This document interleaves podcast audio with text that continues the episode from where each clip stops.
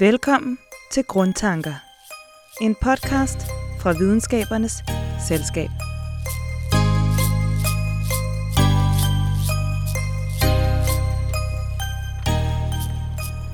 Velkommen til Grundtanker.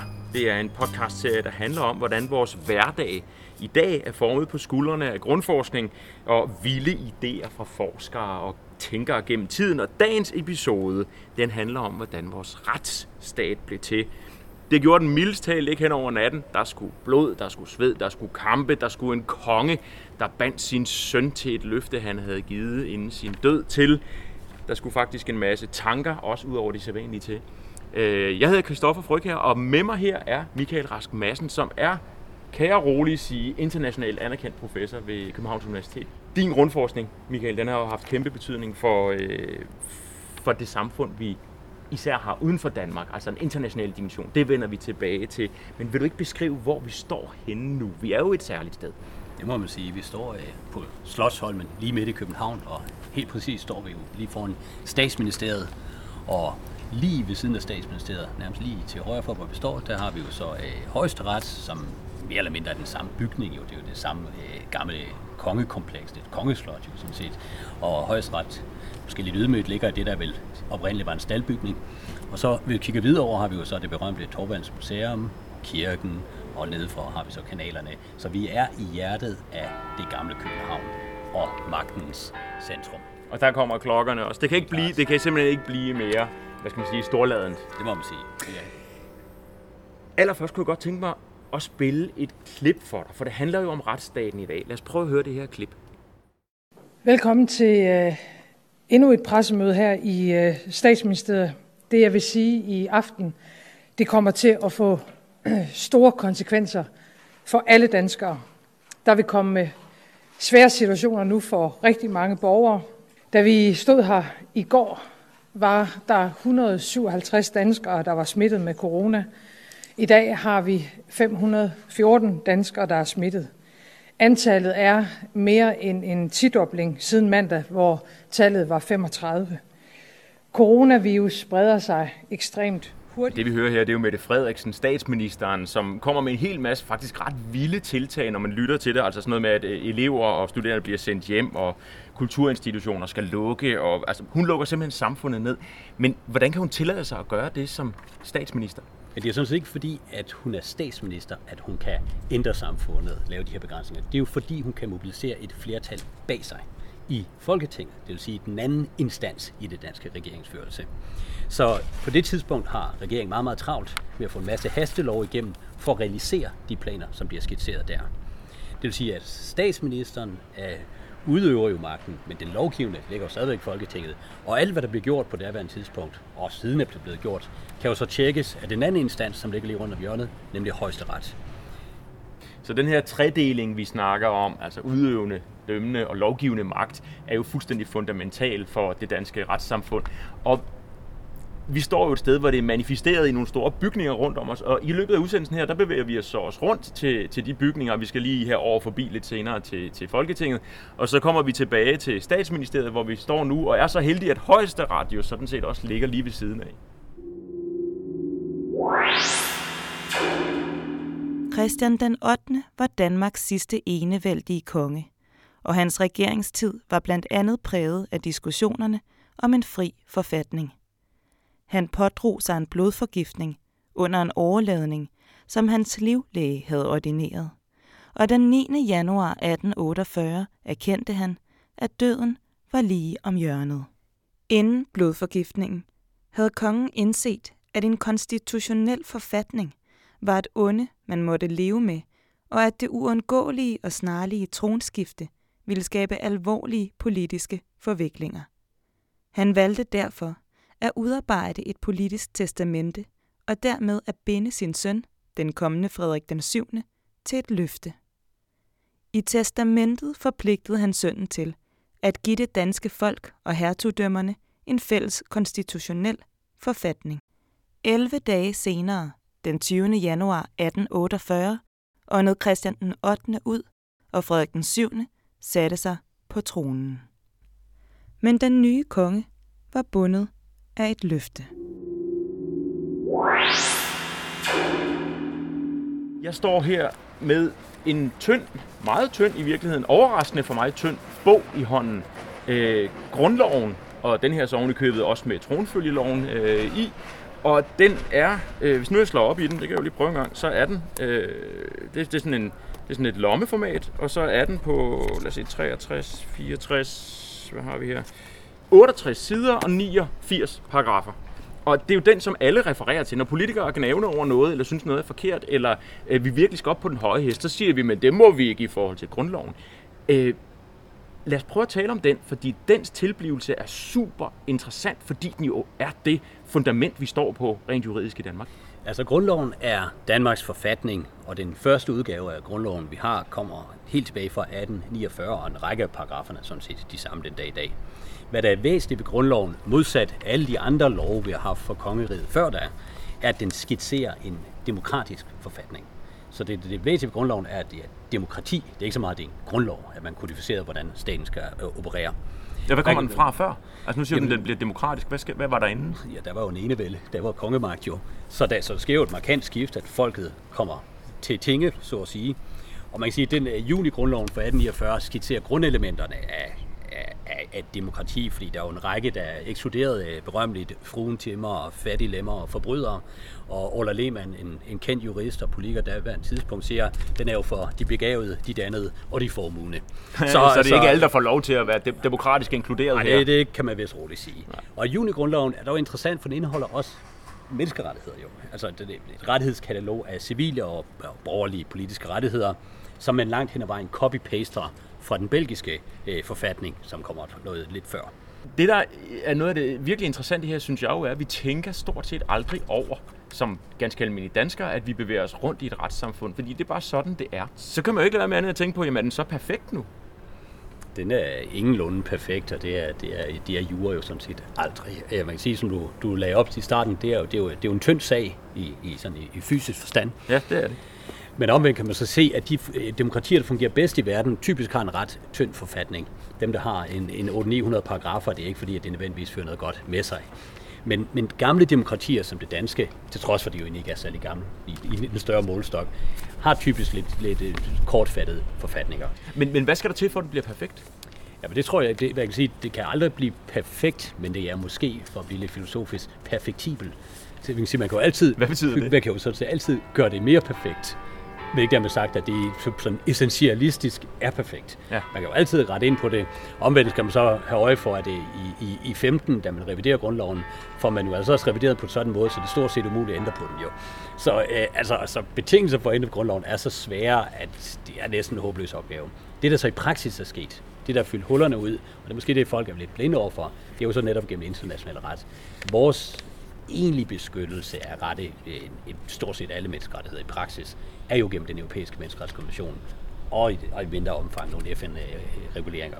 Så, det, så beskyttelsen af individet i Danmark sker i sidste instans i Frankrig, i Strasbourg, ved Europarådet. Og det vender vi tilbage til senere i udsendelsen her. Med grundloven her, så får vi jo altså et fundament at bygge den danske retsstat på. Men hvad er det egentlig, vi gerne vil med den? Altså, hvad vil man gerne? Jamen, jeg tror grundlæggende, og der følger jeg jo sådan set øh, principielt dansk forskning, blandt andet for alt for os, det er, at man vil have styring og frihed. Det vil sige, at man skal have en effektiv måde at lede landet på, som er demokratisk. Det vil sige, at hele en politisk proces, hvor mange gange en lov skal forelægges og, og, og så videre, og så videre. Og samtidig skal det så også tjekkes af noget andet, det vil sige gennem frihedsrettighederne og det der domstolsvæsenet og hele det monopol af magt, som ligger i, i domstolsvæsenet og din juridiske stand er. Så altså en, en grundlov som den danske er spørgsmål om styring og frihed, og det underliggende parameter er selvfølgelig demokrati. Så det er ikke blot retsstat. Det er retsstat plus demokrati, mm. men som er effektivt. Det vil sige, det kan lede landet. Vi skal ikke have politiske kriser hele tiden. Og hvad får jeg ud af det som dansker? Hvad er det, jeg skal være så glad for i det her? Ja, du kan måske starte med, at du skal være glad for, at du kan tale frit jo, som vi gør her. Sådan set, der står og læner os op af ministerens limousine, og det tror jeg ikke, man vil få lov til i ret mange andre lande. Jeg er faktisk engang sikker på, at vi kunne få lov til det i vores nabolande.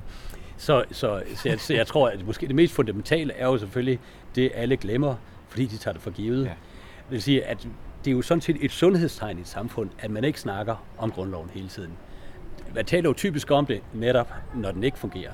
Det vil sige, at der er nogen, der tilrender sig for meget magt på bekostning af nogle andre osv. Mm. Så, så det, det, det smukke ved det danske demokrati, det er sådan set, at man har en, en, en effektiv organisering, og, og langt hen ad vejen er det jo også der, hvor min egen stand, juristerne kommer ind i billedet, for det er jo sådan set dem, der har orkestreret den stat.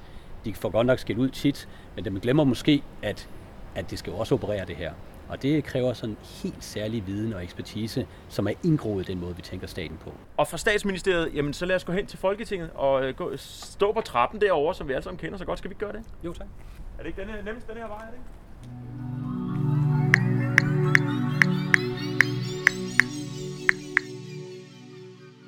Så er vi rykket ind i studiet, og vi vender tilbage til vores gåtur i magtens tredeling lidt senere. Men her i studiet, der er sådan set lidt bedre ro, Michael, til at vi kan gå i dybden øh, med, hvad det er for nogle grundtanker, som har gjort, at vi i Danmark øh, har fået den magtdeling, som vi nu engang har, øh, og dermed selvfølgelig også retsstaten. Det er jo, er jo som sagt ikke noget, der er sket hen over natten. Der er gennem ja, nærmest tusinder har der været gjort tanker omkring, hvordan skal vi egentlig opretholde magt og ret. Og øh, vi skal rundt om dem nu her. Nogle af dem i hvert fald. Vi skal rundt om Montesquieu i 1700-tallet. Vi skal rundt om øh, Max Weber i 1900-tallet. Vi skal rundt den danske øh, jurist øh, Alf øh, Ross. Men vi starter med at gå rigtig langt tilbage i tiden, nemlig til romerretten. Kan du ikke prøve at beskrive, hvad romerretten er for noget? Jo, jeg vil sige, at det, det væsentligste at have for øje omkring romerretten, det er jo måske det, det tidspunkt i antikken, hvor man begynder at tænke staten. Og det vil sige, det starter jo med grækerne videre over til romerne, men man, man begynder at få, få skabt en kultur omkring det at tænke stat, samfund, ansvar. Hvornår kan man ifalde et strafferetligt ansvar, et civilretligt ansvar osv. Så man får, man får samlet op på alle de grundsten i et samfund. Så det er jo ikke som sådan demokratiet, vi taler om her. Ja, romerretten, hvor ligger den hen tidsmæssigt, skal vi måske ja, det er jo antikken, ikke? Så, ja. så det ligger det noget tilbage. Altså bare tusind år eller så. Ja. Så, så, men, men det, der er interessant ved dem, både grækere og romere, det er jo selvfølgelig, at man får afgrænset offentlige instanser. Det er jo sådan set en tidlig magtfordeling, man kan finde helt tilbage blandt grækerne. Omvendt skal man så nok ikke tro, at det ligefrem er demokrati, vi er med at gøre. Der er også nogle af de termer, som de udvikler, vi sådan set bruger den dag i dag, når man går ind i, man går for en dag dansk domstol, og man i en civilretlig sag om noget, noget ansvarsret, jamen så står advokaterne og taler om kulpa. Om man ifælder kulpa, og det er hævet direkte ud af romerretten. Altså skyld? Ja, Ja. Og, øh, og tilsvarende, når vi inden for mit eget felt, inden for folkeret, det er jo jus gentium, som er, hvad romerne kaldte folkeret. Vi bruger det samme ord den dag i dag. Men For betyder det så, at der er en, stadigvæk er en del, det kan godt være, nu er der så nogle begreber i hvert fald, eller ja. ord, vi bruger, men har den betydning i dag? Jamen jeg vil sige, at uh, tankegåset omkring erstatning, særligt omkring kulpa, det, har, øh, det, det bliver direkte anvendt den dag. Man kan ikke sige, at romerretten som sådan er gældende i Danmark. Det er jo nogle gange de lover og sædvaner, der, der gør gældende. Men det er jo sådan set blevet overleveret igennem århundreder som sædvaneret. Vi spoler hurtigt fremad i tiden her, og så hopper vi op til, øh, til Montesquieu, som er en fransk adelsmand. Kan du prøve at beskrive, hvad det er, hvad, hvem han er og hvad han gør? Ja, altså Montesquieu er jo så en, en lidt anden type forsker, end vi kender i dag. Det er ikke en offentlig ansat øh, universitetsprofessor, men det, det er en adelsmand, som jo nok er mere forfatter end forsker i sådan en moderne forstand. Men, men, men han, er, han er utrolig dygtig sådan essayist og også sådan observatør af det, der sker i, i, i hans samtid.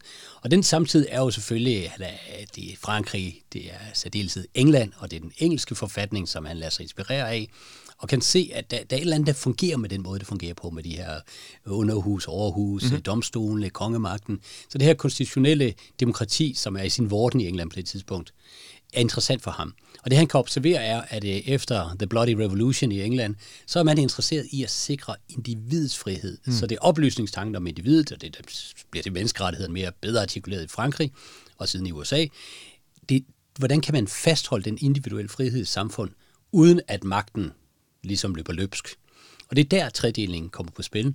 Og ideen hos Montesquieu er sådan set ret, øh, den er ret firkantet, og den er måske slet ikke særlig operationel i praksis. Det er jo sådan set, at der, der må ikke være overlap mellem de tre instanser, vil sige udøvende, dømmende og lovgivende. Altså slet ikke noget overhovedet? Der skal ikke være overlap. Altså, det, må, det, det må, må ikke være de samme mennesker? Det må personelt ikke være de samme. Der findes varianter over det samme, men, men i store hele har man jo lagt sig fast på noget, eller det Montesquieu skitserer, og så selvfølgelig lokalt tilpasset. Ja, og det skal jo tilpasses yderligere, kan man sige, før vi når op til vore dage. Og en af de væsentlige personer i at få øh, retsstaten til at fungere øh, endnu bedre end det, som Montesquieu forestillede sig, det er, det er Max Weber.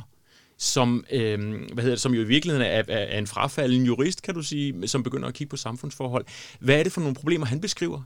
Jeg vil sige, at, jeg skal sige, at han, er, han, han er jurist jo, at det er så, fordi man ikke kunne studere sociologi nu, da han studerede. Det var det, man studerede, men øh, han er også en ultimativ juridisk grundforstand, at han tager de juridiske kategorier og undersøger dem i deres samfundsmæssige sammenhæng. Det vil sige, hvordan samfundet påvirker retten, og retten påvirker samfundet. Det er den her vekselvirkning.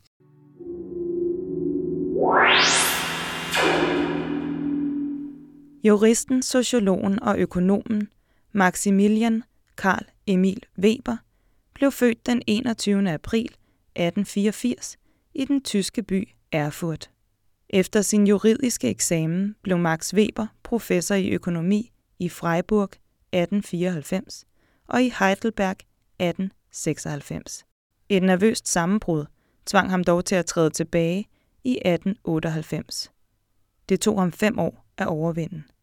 Han levede af en arv og kunne derfor alene koncentrere sig om sin forskning, indtil han i 1918 blev professor i Wien og i 1919 i München.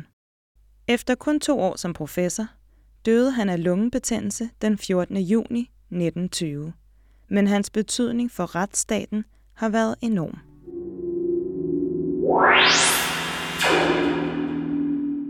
Så, så, så han, han er meget central for meget af det, jeg laver.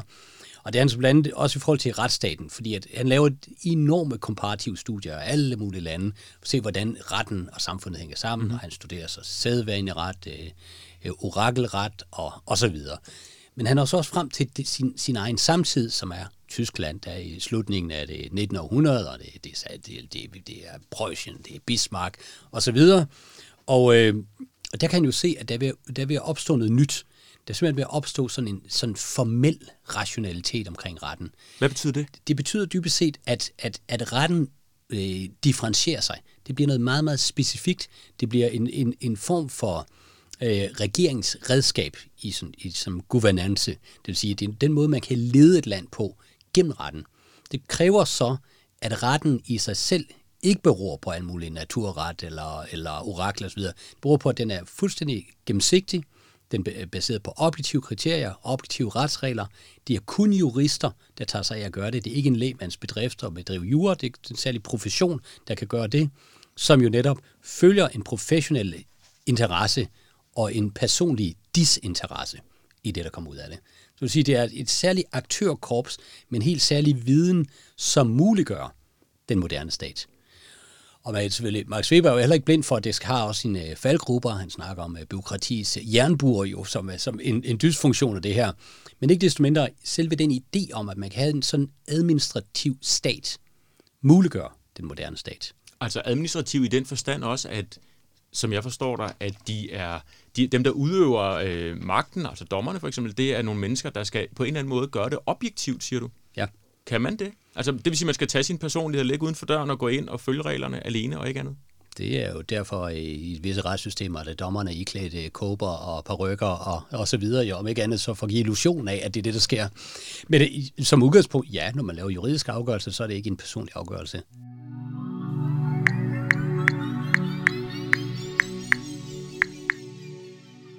Så er vi kommet ud i det fri igen. Øh, der er knap så meget blæst her, hvor vi står nu, som der, hvor vi stod før.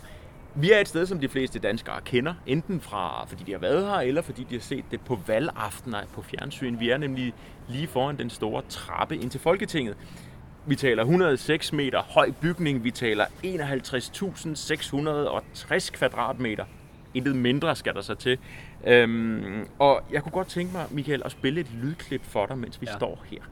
De, der stemmer for loven, bedes rejse sig. Jeg får at vide af tingsekretæren, at der var 95 for, ingen imod, ingen hverken for eller imod, og dermed er loven blevet vedtaget. Det her lydklip, det er fra senere end den 11. marts, altså efter at statsminister Mette Frederiksen har været ude stort set at lukke landet ned. Øhm, og det, det vi hører, det er jo, at det er noget med, at man kan tvangsbehandle folk, man kan tvangsundersøge folk. Øhm, altså det er ret, ret omsaggribende, den lovgivning, som nu kommer. Øh, burde det i virkeligheden ikke have været sådan, at Mette Frederiksen kom med sin udmelding efter, at denne her lov, sådan en lov som den her var vedtaget? Jo, men hun gør jo ikke noget forkert i at, annoncere, at der kommer noget, så frem hun kan få flertal for det. Og det, det siger hun jo sådan set også allerede på daværende tidspunkt. Så du siger, at det, hun annoncerer, at der kommer noget, og hun opfordrer danskerne til at allerede at øh, gebære sig på en måde, som er, er, der følger det. Så det, man kan sige, at hun er, hun er ude og informere, og så kommer der så det, man på godt dansk kalder hastelovgivning. Men det er selvfølgelig vigtigt, når vi taler om retsstaten og demokratiet, at der er ingen, der forsøger at fifle med det. Man følger processen, at når man laver lov, så følger det loven. Det vil sige, at den, det er det underliggende, vil sige, den der juridiske habitus, som ligger i Danmark, og som er så smukt formuleret i jyske lov, ikke? med lov skal land bygges, den er selv i den værste krise på spil her. Så det, det, det influerer også den måde, vi, vi, vi bebærer os i det sammenhæng, og sige, at vi laver jo netop ikke en undtagelsestilstand og flytter magten over i, i hos den udøvende. Det havde også øh, statsretligt været umuligt på det her tidspunkt. Man kunne sagtens samle Folketinget, det er noget andet. Men øh, jeg vil sige, grundlæggende kan vi konstatere, at selv i krisen, der følger vi loven. Og det er selvfølgelig et meget, meget smukt træk ved demokrati. Altså det her med, at den udøvende magt, jamen den bygger stadigvæk på den lovgivende magt, og ikke omvendt. Jamen dybest set er magten tredelt. Der er ingen, der har magten alene. Inden blandt alle de her 51.000 mange kvadratmeter, der er jo nogle lokaler, der tilhører kongehuset også. Øhm, og dem har vi jo ikke talt om, og de har også en betydning i forhold til retsstaten. Vi hører bare ikke ret meget om dem. Kan du prøve at beskrive, hvad det er for en, øh, for en betydning, de har? Det er, det er jo ret exceptionelt, at det, det danske folketing ligger i et kongeslot. Det er, det er jo virkelig demokratis smukke ansigt. Men det er så også det er rigtigt, at vi har at gøre med et, et, et konstitutionelt monarki i Danmark. Det, det ved alle danskere, alle kender dronning Margrethe og sønnerne. De har stadigvæk et par kvadratmeter derinde, og, og grunden til, at der er så mange kvadratmeter her, er jo selvfølgelig netop det kongeslot, og et slot, som var for, i den oprindelige udgave meget, meget stort, og jo stort set åd et helt øh, års budget for den danske stat, da det blev bygget. Det tog mange år. Der var flere tusind mennesker, der arbejdede her på at bygge det, så brændte det ned et par gange.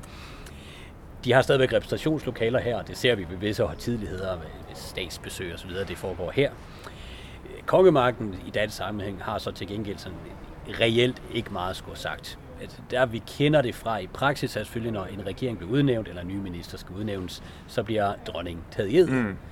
Det er en, en formel magt i dag, fordi faktisk er det sådan, at, at den underskrift, skal også ledsages af en politisk underskrift. Så det er ikke dronningen alene, der kan beslutte det. Altså hun skal underskrive, når der kommer en ny regering ja. og sige, ja. det er cool, der er den her regering, ja. I kører bare. Ja. Hun kunne jo lade være.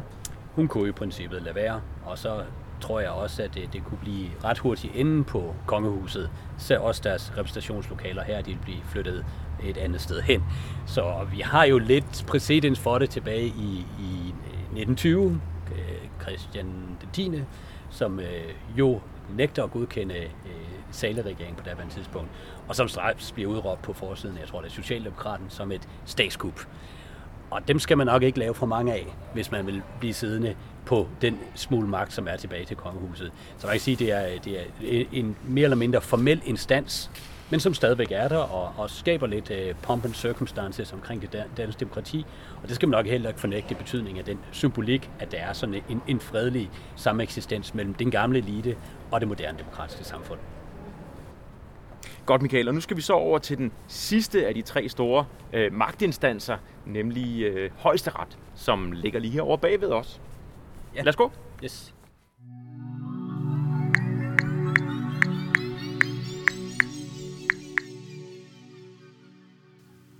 Så er vi tilbage i studiet, og det er vi, fordi vi skal fokusere lidt mere på, øh, på den danske jurist Alf Ross. Altså, vi, man kan sige, nu har vi været rundt om, om, øh, om nogle af de store tænkere, øh, der har ledt til retsstaten, Max Weber, øh, Montesquieu og Romerretten.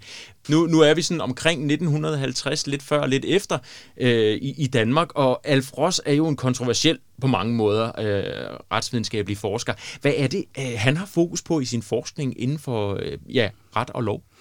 Jamen altså, det, det, det, ikke mindre end to fundamentale skoler i retsvidenskaben gør han op med, så det er klart, det skaber jo lidt, uh, lidt fjendskab på vejen jo. Mm. Uh, den, den første, han gør op med, det er det, man i dag vil kalde retslidealismen, det vil sige sådan retsvidenskab, som inkorporerer naturretlige idéer om normativitet, det vil sige moralske idéer, ind i retten som selvfølgelig har en lang historik. Kan du være konkret her, hvad, hvad det betyder? Jamen det er jo sådan set, det, det er jo sådan overvejelser af, af moralsk karakter som afgørende for retlige udfald, som er jo så modstrid med det, vi lige talte om for et øjeblik siden omkring Max Weber, som skal objektiviseres.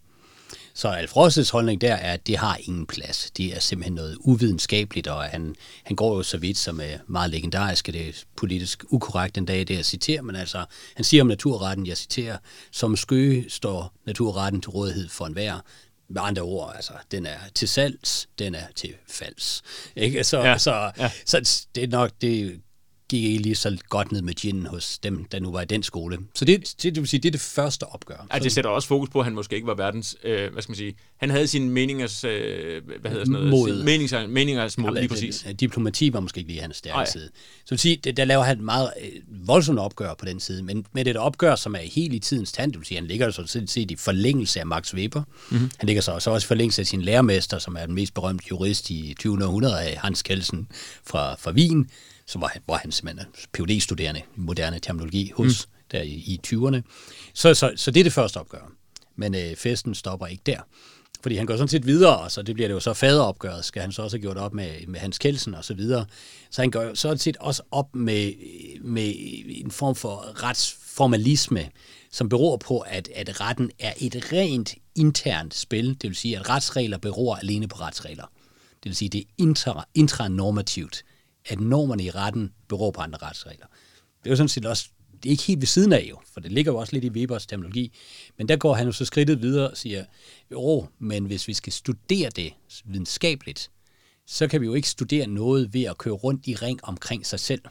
Det bliver sådan en form for aksiologisk fejlslutning. Altså, hvad gjorde den de tidligere rette? Ja, hvad gjorde andre dommer i den her situation, ja. når vi gør det samme? For det ja. refererer vi til. Ja, for det er jo, det, er jo, det, er jo det, det, vil sige, det er jo det, dommerne gør i deres domme jo. Ja, ja. Men det er jo ikke dermed sagt, at videnskabeligt er det korrekte måde at finde ud af, hvad de gør. Og der, hvor han så går hen, det er jo sådan, gør jo så øh, øh retsvidenskaben endnu mere empirisk. Sådan set igen lige forlængelse af Weber. Og, øh, og også på det vand, der hedder amerikansk realisme, sammen med nogle svensker Uppsala-skolen. Og, og så siger jeg jo sådan set, jamen det, der er interessant for retsvidenskaben, det er at kunne skave en prognose om et retligt udfald. Men altså, hvad der kunne, kommer til at foregå? Ja, det vil sige, at du sidder som jurist, kan du kunne lave en prognose om, hvad kommer der til at ske om to dage i højesteret, når den her sag kommer. Hvordan kan du lave den prognose? Og, og jeg skal bare lige forstå, er det en prognose, der handler om udfaldet af dommen, eller, ja. eller proceduren? Udfaldet. Ja. Okay. Det vil sige, hvad, hvad er gældende ret? Og, og, det, og, det, og den prognose kunne jo så bero på, ifølge formalisterne, jamen det er jo så et spørgsmål om det er intranormative, der er de her regler, de finder anvendelse, bla bla bla, så har vi resultatet. Der går han jo skridt videre og siger, nej, de bruger sådan set på, hvad han kalder, med lidt gammeldags ord i dag, dommerideologien. Det vil sige, at det er jo sådan et behavior. Det er, det, er, det er jo et spørgsmål om, hvordan de agerer, hvad, hvad det er for et tankesæt, de har, der påvirker øh, udfaldet. Der bevæger jo så over i det, man i moderne forskning kalder judicial behavior. Hvad betyder det? Jamen, det betyder dybest set dommeropførsel. Det vil sige, hvordan agerer den type mennesker? Hvad er det for nogle øh, stimuli, der påvirker, hvordan de agerer. Mm-hmm. Det vil sige, vi er jo sådan en social, psykologisk, sociologisk forskning, som han jo så introducerer jo. Han går så ikke så meget videre, skal så blive sagt, men altså sådan set det principielle standpunkt er der i hans bog for 53 øh, om ret og retfærdighed. Der er ikke så meget om retfærdighed, den det er mest om ret og retsvidenskab i særdeleshed. Så han er om noget grundforsker inden for juren. Han tager de allerstørste spørgsmål op om gyldighed, hvad der er gældende ret, og hvordan vi kan undersøge, hvordan retssystemet når frem sine afgørelser. Alf Ross får jo en betydning for, for, for, for det danske, den danske retsstat, kan man sige. Ikke? Du, du, du har nævnt tidligere, jamen øh, formentlig har han haft betydning for, for, øh, for embedsstanden i Danmark efterfølgende. Hvad er det, der sker, der gør, at det, han har så stor betydning. Altså nu laver han de opgør med, med, med, med det gældende, kan man ja, sige, ja. Det, det, det der ligesom er etableret. Hvordan konkret gør, udmyndter det sig?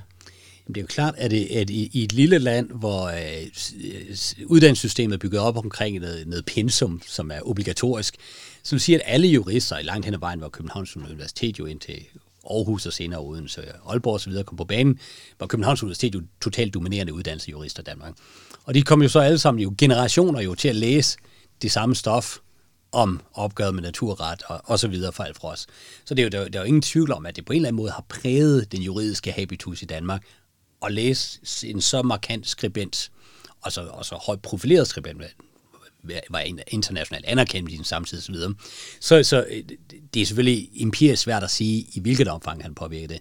Men altså de fleste påstande er i hvert fald, at, det, at han har påvirket det, der, det, at det, der meget, det meget juridiske, sådan set hans realistiske del, det, det empiriske har sådan set ikke haft så stor effekt, men netop opgøret mod naturretten har haft en markant effekt på den der særlige man må sige, embedsmandsgørelse af det danske retssystem.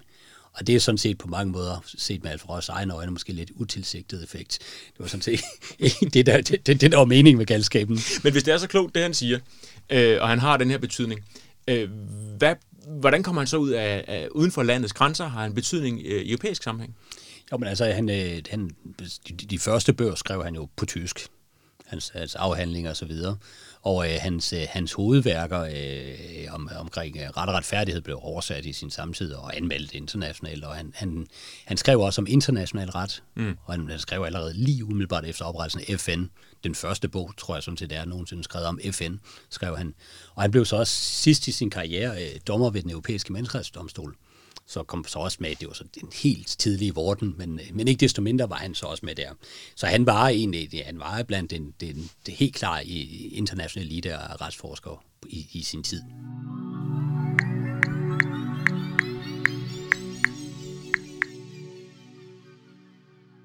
Så er vi kommet tilbage i prins Jørgens gård, og vi står her for en højesteret, øh, og som jo hvis man sammenligner med Folketinget i virkeligheden, som jo er en pompøs bygning, der ligger herovre ved siden af, ja. så er højesteret, om end navnet jo er flot, en lille bygning.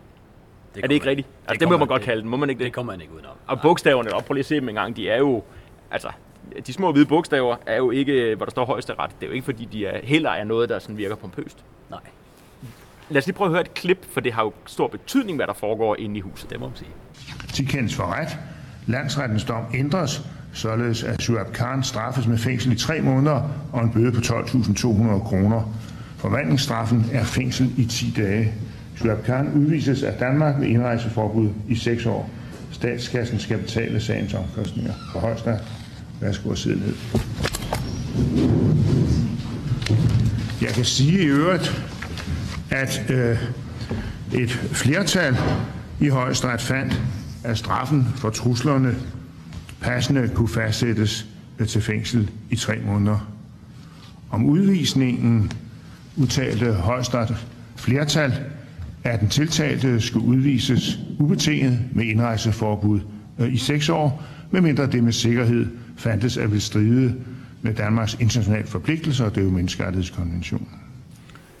Michael Rask Madsen, hvad var det, vi hørte her? Jamen altså, det er sådan set uh, helt elementært en højstrætsdommer, der oplæser en uh, domskonklusion og det, man kalder dets præmisser. Og grunden til, at det overhovedet er optaget, det er jo, og I kan finde det på nettet, er jo, at det, det drejer sig om en, øh, en, en kontroversiel sag, en udvisningssag af en kriminel udlænding, som så er også er medlem af en velkendt bande. Og det er et emne, som har haft enorm mediemæssig og, og politisk interesse i de senere år. Det er det såkaldte artikel 8-sager omkring den europæiske menneskerettighedskonvention, hvorvidt man kan udvise kriminelle udlændinge, eller de er beskyttet efter artikel 8 og i konventionen, deres ret til familieliv.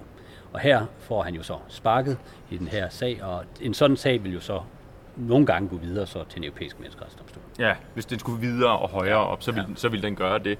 Øhm, højesteret er jo en af de magtinstanser, vi snakker rigtig meget om i den her udsendelse, altså den, den, den øh, udøvende, den lovgivende, og så står vi så her foran den dømmende magt også. Hvad for en plads har højesteret i grundloven? Altså, hvad kan den? Hvad må de? Jamen, det er jo egentlig meget interessant. Hvis man begynder at kigge efter højesteret og domstole mere generelt i grundloven, så er det ikke ret meget krudt, der er brugt på det.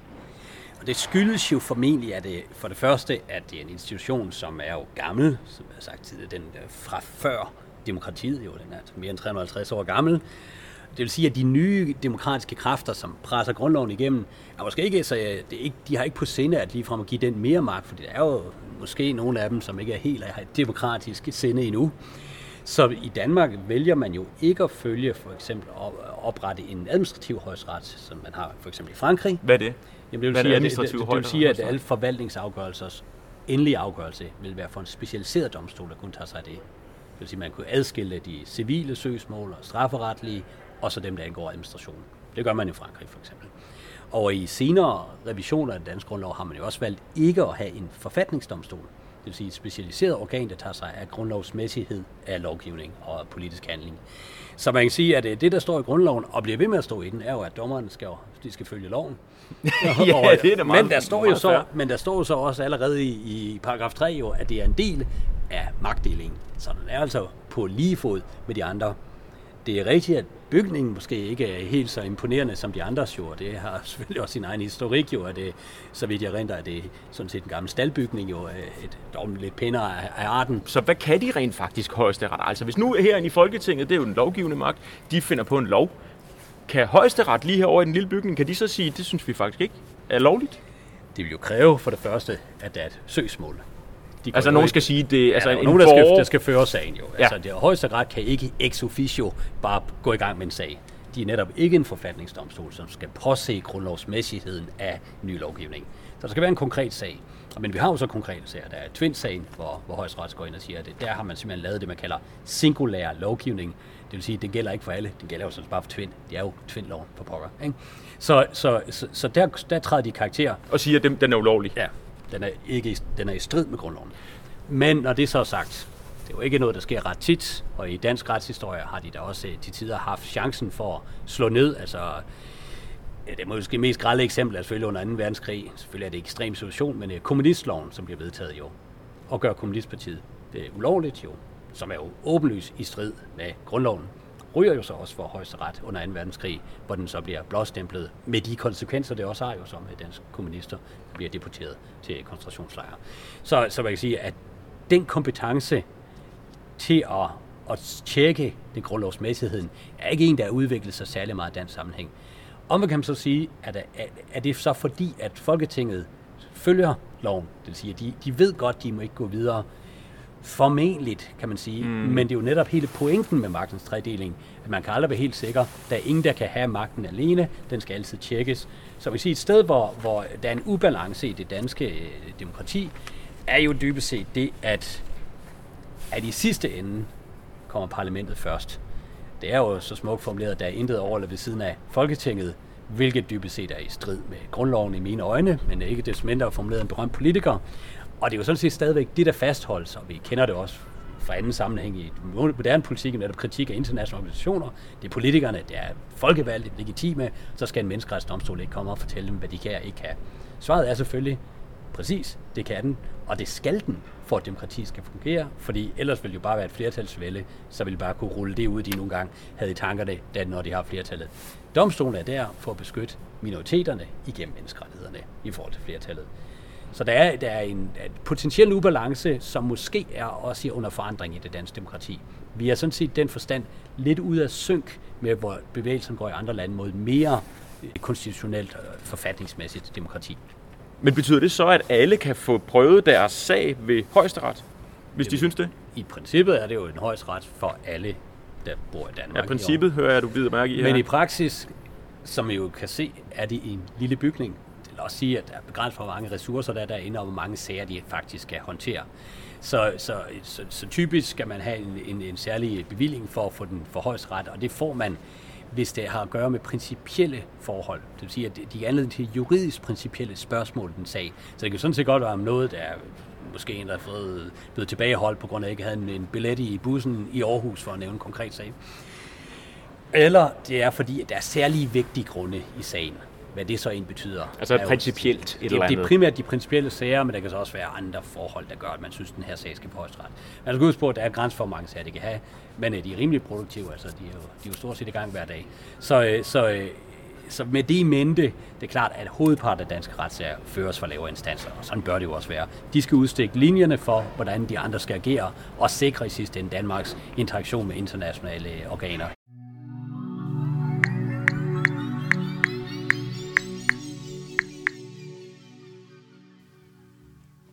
Så er vi tilbage i studiet for sidste gang i denne her udgave af Grundtanker, der jo handler om retsstatens tilblivelse, øhm, og om hvilken betydning den har for os mennesker i virkeligheden. Og nu skal vi bevæge os uden for landets grænser, fordi indtil nu har vi jo snakket om, om tredelingen af, af, af, af retsstaten og det danske samfund. Øhm, men det er jo sådan, at det er måske i virkeligheden en lille smule snævert kun at se på det på den måde, for der er en masse domstole rundt omkring i Europa, øh, den internationale ret, som, som har kæmpe betydning for, øh, for, for Danmark. Og det ved du en hel, en hel masse om, fordi det jo lige præcis er dit forskningsfelt, øh, Michael. Øhm, og, og nu ved jeg bare lige indledningsvis, så, så, så ved jeg, at du kalder den internationale retsorden øh, for den største innovation inden for retsvidenskaben overhovedet. Hvad mener du egentlig med det? Det, det, det mere præcist sagt er, at øh, hvis man tænker sådan internationalt i klassisk forstand, det vil sige noget mellem stater, en fælles overenskomst, så sker der noget i Europa efter 2. verdenskrig, som sådan set er skabt videnskabeligt. Det er ideen om det, man kalder supranational ret. Det vil sige, at vi ikke blot har en, en, en international ret, en folkeret, men vi har også en, en overstatslig ret. Men det er det geniale ved den model, man udvikler, at den overstatslige ret beror på nationale instanser langt hen ad vejen i samspil med overstatslige instanser. Par excellence, det er det, man har med EU-domstolen, som jo sådan set primært virker ved, at national domstol anvender EU-retten. Det er ikke EU-domstolen, der skal tvinge det på de andre. Og, tilsvar, og tilsvarende netop i, i moderne europæiske menneskerettigheder, den primære øh, instans, der anvender det, vil altid være national. Det, selvom der er mange sager i Strasbourg ved menneskerettighedsdomstolen, er det primært ved national instans, som bliver anvendt. Så skab den sammenhæng mellem noget internationalt og noget nationalt, der faktisk er operationelt, er øh, uden tvivl en, en kæmpe innovation. Og hvis man tænker det lidt længere, sige, man, kan, man kan hurtigt se forskellen fra junigrundloven i 1849, som er jo netop et dansk nationalstatsanlæggende. Hvis man gik lidt længere tilbage, så kan man også godt se, at det, man skaber en nationalstat og en fælles forfatning, er jo anderledes end det øjeblik, at stater slet ikke eksisterer, som vi tænker om i dag, men det er sådan en hel masse små øh, mm. adelsfolk, der har et, et, et, et slot på toppen af bjerg, hist og pist, og så, at så får man de samlede nationalstater, og man kan sige, det næste evolutionære skridt er jo så netop at få det internet, sammensat i en international orden. Mm. Og det er derfor, at det postulatet om at den største videnskabelige opfindelse til 20. århundrede er i sidste ende supranational ret. Ja, og, og, og lad os lige prøve at dykke lidt ned i det, fordi det, det er jo ret interessant, hvis man kigger på øh, de grundtanker, der ligger bag ved den internationale øh, ret. Det er jo for eksempel sådan noget som, at det er en anerkendelse af suveræne stater det er jo ret væsentligt, at de her, for eksempel menneskerettighedsdomstolen, øh, anerkender, at Danmark er Danmark og en suveræn stat. Hvilke grundtanker ligger der ellers bag ved den internationale ret? Jamen, altså, jeg mener, at den, den væsentligste grundtanke i den klassiske internationale ret, er jo, at den er baseret på overenskomst mellem suveræne stater. Mm. Det vil sige, for at vi kan have moderne international ret, skulle vi ligesom få de her stater i moderne forstand.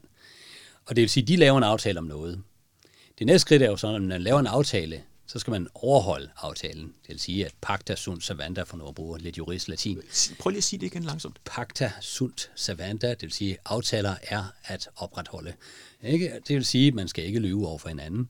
Og det tilsvarende har man så et princip i international ret fra fransk, at der skal også være en effet utile. Det vil sige, at det, når man, der skal være en effektivitet af det, man aftaler. Det vil sige, at man kan sådan set ikke bare løbe rundt og skrive under på alt muligt internationalt, og så, så være ligeglad bagefter det, det bordet fanger og spørger blot visse danske politikere om det, at internationale forpligtelser kan som en ødelægge en helt politisk karriere i dag. Så, så, så i den forstand, ja. det, der, det der er væsentligt for, det er, at det er reelt, men en af byggestenene på, at det overhovedet kan lade sig gøre, er eksistensen af suveræne stater. Det er måske så lidt paradoxalt, når man tænker, at det, det er over ja. staterne, men det baserer sig jo netop på staternes overenskomst. Og der er jo mange internationale øh, retsinstanser. Det må man det kan, sige. Kan, du, kan du knytte note til, hvor mange, hvor mange altså, det, vi hører altid om menneskerettighedsdomstolen, ja, for eksempel. Er, altså, der er i hvert fald sådan, i, i snæver forstand er der i hvert fald 25 internationale domstole i verden, og øh, dem, de mest væsentlige set fra, fra den dan, et dansk vinkel er selvfølgelig menneskerettighedsdomstolen i Strasbourg, EU-domstolen i Luxembourg, og så er der selvfølgelig hele FN-systemets øh, domstol, der er jo øh, den internationale domstol i Haag, som jo har haft stor betydning for Danmark. Det er jo blandt den, der det i sin tid afsag Øst-Grønland-sagen, så Grønland blev en del af kongeriget Danmark, og ikke norsk. Øh, der har vi så også den internationale strafferetsdomstol, jo, som, øh, hvor du kan forfølge forbrydelser mod menneskeheden, og endelig er jo så Verdenshandelsforeningens øh, appeldomstol i Genève, og jeg kan også nævne havretsdomstolen i Hamburg, ja. som afgrænser jo altså territoriet. Ja. Så, så, så, så, og alle de her instanser er Danmark en del af. Ja, og det er jo noget, altså du har jo forsket rigtig meget i det her samspil, der er mellem, øh, altså der er opstået mellem den nationale og, og internationale øh, domstol. Øh, øh, og der kan jeg jo godt komme til at sidde og tænke på, hvordan kan jeg så øh, som borger i Danmark fornemme den forskning, som du har bedrevet? Kan jeg det? Ja, det er jo ikke sådan, at øh, vi, vi sådan, uh, går rundt på gader og stræder og flagrer med den, men uh, men, altså, det, det, det, som, som al anden forskning, der det primært slår sig igennem, er selvfølgelig inden for forskning selv. Et andet sted, så typisk juridisk forskning også uh, gør sig gældende, er jo, at uh, nogle gange domstolene citerer den. Mm. Altså, så domstolene bruger den forskning, du laver, som en del af deres rationale. Men der, der hvor øh, grundforskning, som jeg laver, har sin største betydning, er sådan set ikke lige her og nu ved at lave en konkret løsning på ting. Men netop, som jeg sagt tidligere, det er at gøre hele øh, baduljen, hele systemet begribeligt, derfor på længere sigt og kan lave bedre løsninger. Så det siger, at vi, som, som forskningscenter interagerer vi jo selvfølgelig også med internationale organisationer, også mm. regering og mm. NGO'er osv., når de tænker på nye forslag til, hvordan man kan reformere institutioner. Og der kommer vores forskning så i spil og siger, jamen altså, vi kan, vi kan observere på tværs af kloden, at det er det her, der gør. Så vi laver komparative studier, der inkluderer ikke blot europæiske domstole, men også i Afrika, Latinamerika og mange andre steder.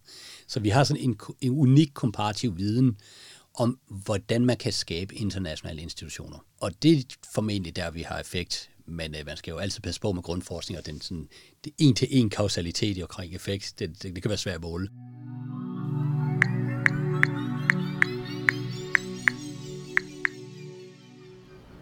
Så er vi kommet tilbage i prins Jørgens gård. Nå Michael, nu har vi besøgt de tre magtinstanser, øh, Folketinget og Statsministeriet og Højesteret. Man kan jo ikke lade være med andet end at tænke på, og hvad så i virkeligheden? Nu har vi grundloven, vi har tredeling af magten, vi har alle de her ting. Og fungerer det så rigtig, rigtig godt, eller ikke så godt? Altså, hvor godt er det, øh, den måde, det fungerer på i, dag, i Danmark? Jamen, hvis man kigger på det sådan forskningsmæssigt, og de undersøgelser findes af for eksempel et rule of law index, øh, tillid til domstolene osv. Der findes en række komparative internationale undersøgelser, den slags, som bliver opdateret på årlig basis. Så scorer Danmark helt i top og nogle gange, meget ofte faktisk, som nummer et i verden på de parametre. Det højeste altså som retsstat? Som retsstat. Så det må den være forstand, ja. Så det er den forstand, må man sige, at den dømmende magt gør det rigtig godt. Der er sådan set dybest set ikke nogen, der gør det bedre på global plan. Så, så, så domstolen fungerer fint. Omvendt kan man jo så konstatere, at der er jo sjældent kollision mellem institutionerne. Det vil sige mellem Folketing, mellem regering og domstolen. Ja. Skyldes det så, at øh, vi har sådan en helt særlig historik, at øh, vi samarbejder? Eller skyldes det, at, øh, hvad vi har været inde på tidligere, at der måske er en, en, en fli af, at parlamentet kommer først? Der er supremacy of parliament, som de ja. siger i, i, i det er et sted, som der er nogle, nogle knaster, der skal, der skal ryddes op i, fordi at det, på den lange bane tror jeg ikke helt, det holder den måde, som vi har skruet sammen på. Hvad Men, betyder det? Hvorfor ikke det? Ja, man kan sige, at at det, er jo, det er jo smukt, som vi har det, at vi har den her bygning, det gamle kongeslot, alle instanserne ligger mere eller mindre samlet der, så det her konstitutionelle monarki, vi, vi, har, vi samler ligesom det hele i en helhed. Men der er også en fare i det på sigt, at der er en af de instanser, der tiltager sig for meget magt, uden at de andre opdager det. Og, og der konkret, hvor vi ser den største udfordring i Danmark i dag, det er måske ikke så meget om, hvorvidt at domstolen skal gå ind og finde lovgivning er i strid med grundloven. Det er sådan set mere, at der sker en tiltagende politisering af de juridiske. Det vil sige, at, at den gensidige accept og respekt, som det hele reelt beror på, ellers kunne de ikke ligge her ved siden af hinanden i den samme bygning, den er måske lidt under forandring. Det vil sige, også ansporet af nye sociale medier, Altså, der er jo visse politikere, der dårligt venter på, at højstrætsdommeren har læst konklusionen op, og der særdeles ikke præmisserne for konklusionen, før de første tweets er gået ud og har fået de første 1000 retweets. Det vil sige, at direkte, og måske mere indirekte, kan man observere et tiltalende pres på domstolene fra politisk hold. Det vil sige en politisering af deres funktion, som er jo altså en direkte tredjedel af magten. Og med de ord, tusind tak, fordi du ville være med. Michael Rask Madsen, professor og ved Københavns Universitet og international, meget anerkendt forsker inden for international ret. Tak for det. Selv tak.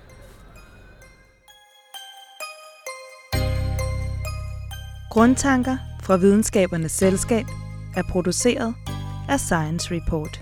Til rettelæggelse, optagelse og redigering Jens Munk.